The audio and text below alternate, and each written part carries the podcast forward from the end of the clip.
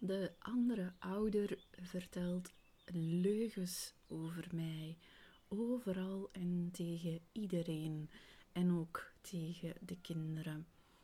De andere ouder maakt mij zwart, echt. Ehm, wat ik ook doe, ehm, hij of zij vindt altijd iets dat ik gewoon verkeerd doe. Beschuldigingen, verwijten. En weet je, ik kan ze nog wel incasseren, maar mijn kinderen krijgen dit ook te horen. En ik weet gewoon echt niet meer wat ik moet doen. Ik kan dat toch niet laten gebeuren. Ze zeggen laat het los, maar ja, loslaten kan ik toch niet. Wat kan ik nog doen?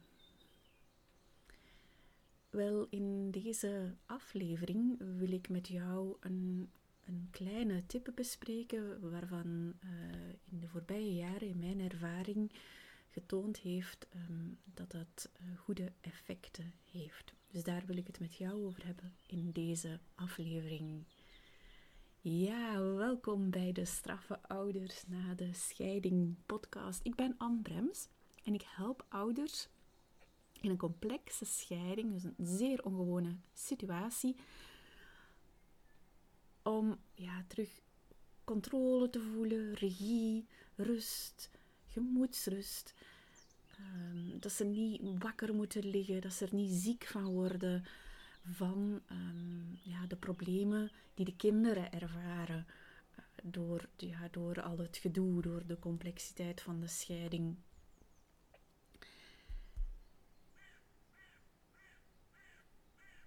En ook in dit voorbeeld dat ik dadelijk ga vertellen hoe, uh, ja, hoe uh, deze ouder ook wakker ligt van hoe de kinderen um, ja, meegaan in die leugens.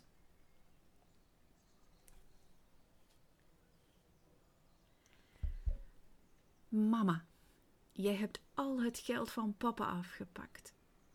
Maar dat is niet waar, dat klopt niet. En dochter verheft haar stem en ze begint te slaan op moeder. Toch wel, want papa zegt het. Lieverd, zegt mama, dat zijn grote mensenzaken. Het heeft niks met jou te maken. Jij bent gewoon stom. Oké, moeder denkt, gewoon blijven ademen, gewoon blijven ademen. Ik kan de kinderen hier toch niet mee betrekken. Ze hebben hier toch niks mee te maken. Weet je, ik ga gewoon het eten klaarmaken. Um, het is uh, appelmoes met puree. Lusten ze graag. En moeder maakt het eten klaar. Ze dekt de tafel. Ze zet het eten op tafel. Terwijl dat de kinderen in de zetel, op de bank, wat zitten te spelletjes te spelen. En ze vraagt de kinderen om te komen eten. De kinderen komen dan uiteindelijk na vijf minuten. En uh, moeder heeft een beetje van haar rust hervonden. Ze gaat zitten en dochter zegt meteen: Dat lust ik niet. Die appelmoes die is warm en ik moet die koud hebben. Goh, zegt mama. Anders eet je er wel van. Dommerd, mama, jij weet niets. Lieverd, mama probeert haar rust en haar kalmte te bewaren. Dat van die ruzie tussen mama en papa, dat is niet jouw taak. Haar moeder voelt hoe ze haar ongeduld aan het verliezen is. Ze probeert langs de buitenkant rustig te blijven, maar van binnen kookt ze. En dochter eet niet en dochter begint te huilen. En broer, broertje zit erbij. Hij kijkt wat schrik, schrikachtig naar zus. En broertje eet de kleine beetjes. Terwijl dat de dochter daar zit te huilen, te snikken, begint moeder haar kook, naar haar kookpunt te gaan. En ze weet dat het niet goed is en toch gebeurt het. Kijk, het zit zo met het geld in het huis. Wij hebben dat op papier geschreven. En papa was akkoord. Ik heb geen geld afgepakt van papa. Ja, zegt dochter, jij verzint maar wat, hè, echt waar. Papa zegt toch iets anders.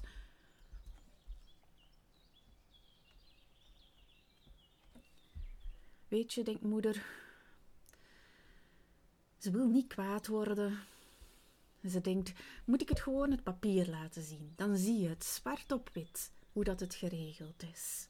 En in haarzelf weet ze van, oh, misschien is dit geen goed idee, maar ik moet dit stoppen. Dit kan gewoon niet.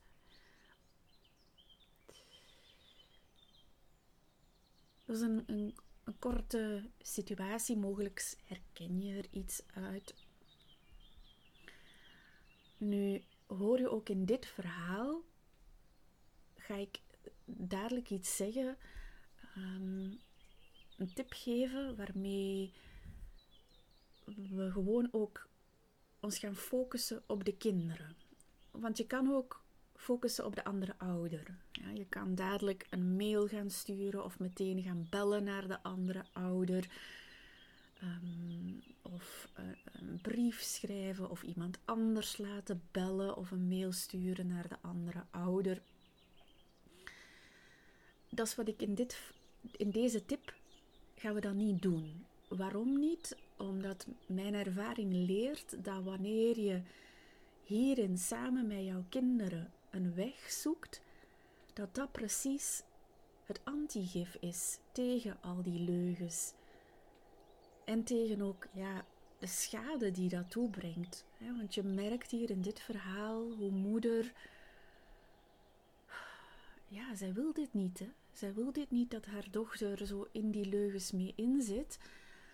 En toch gebeurt het in haar gezin. En dat kan heel machteloos en frustrerend aanvoelen en je kan daar wanhopig van worden. Maar ik leer ouders ehm, stap voor stap om hier terug wat meer regie over te krijgen. Ik geloof echt in de expertise van de ouder zelf. Ik zie dat altijd en dan denk ik van oké, ja, laten we dat terug wat meer uh, uh, ja, bevestigen eigenlijk. En wanneer ouders de rust blijven bewaren in zo'n situatie, en niemand kan dat alleen, daar heb je echt steun in nodig, want dit is een zeer ongewone situatie. De emoties gaan hoog, dus daar heb je ja, mensen om je heen voor nodig om dan de emotie laag te houden. Rustig blijven en de discussie die jouw kinderen dan op dat moment met jou zoeken. Dus dochter zoekt hier de discussie met haar moeder. Hè. Dochter begint er steeds over. Om die op tijd te stoppen. Ja. je, kan, je kan er even in meegaan, maar wanneer je merkt goh, de emoties stijgen, om op tijd die discussiemolen te stoppen. Nu, Waarom zeg ik, niemand kan dit alleen? Want kinderen kunnen echt op de rode knopjes van ouders duwen. Hè? Ze kennen zo, zo precies jouw zwakke plek en poem, daar duwen ze op. En ja, het is van dat. En zeker in een, uh, wanneer je in die discussiemolen zit, uh, dan wordt het zo wel eens nietes tussen je kind en jou. Je kind zegt wel, jij zegt niet. Je kind gaat nog harder wel zeggen, jij gaat nog harder niet zeggen. Het is een molen die, die altijd opnieuw draait, maar soms ook harder begint te draaien, waardoor dat je voelt, oh, ik ben hier echt, dit is gekmakend. Ja. En zo'n strijdmolen kan hardnekkig worden. Ja, maar Anne, laat ik mij dan toch niet doen? Hm. Goeie vraag. Waarom leer ik ouders om dit te doen? Uh, dat is niet om zich te laten doen, maar dat is om een andere piste te nemen om zich niet te laten doen. Ja? Dus we gaan niet um, de strijdmolen met het kind gaan we, gaan, we, gaan we op tijd stoppen. We gaan ook niet de andere ouder erop wijzen, want ja, dat brengt ook geen zoden aan de dijk. Hè. Uh, sommigen van jullie hebben dat al ervaren, dat dat dat dat precies uh, niks opbrengt. Integendeel, dat je soms nog gewoon heel, heel ellenlange mails terugkrijgt dan met een simpel verzoek dat goed bedoeld is. En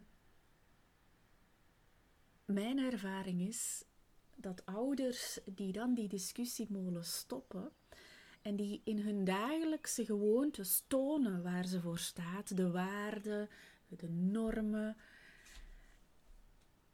dat, dat de kinderen daar ook veel meer van opvangen dan wanneer je met die discussiemolen meegaat. Dus als je merkt, god, er worden leugens over mij verteld, en je wil die gaan weerleggen naar je kind door, door in discussie te gaan. En wanneer je merkt dat die discussie zoveel ellende brengt en emoties en, en, en dat je denkt van hoe moet ik dit nu nog managen, dan is, dan is het misschien mogelijk helpend een idee om die strijdmolen te stoppen. En in jouw dagelijkse doen te tonen waar jij voor staat. Er is ook een bekende uitspraak daarover en, en dat is ook iets dat in, soms aan ouders ook wordt gezegd, zo'n advies. Uh, children do not um, learn from react by your reactions, but by your actions. Dus wanneer jij iets gaat voorleven, daar vangen kinderen vaak meer van op dan wanneer dat je um, het gaat zeggen. En zeker, zeker wanneer dat er een strijdmolen ontstaat.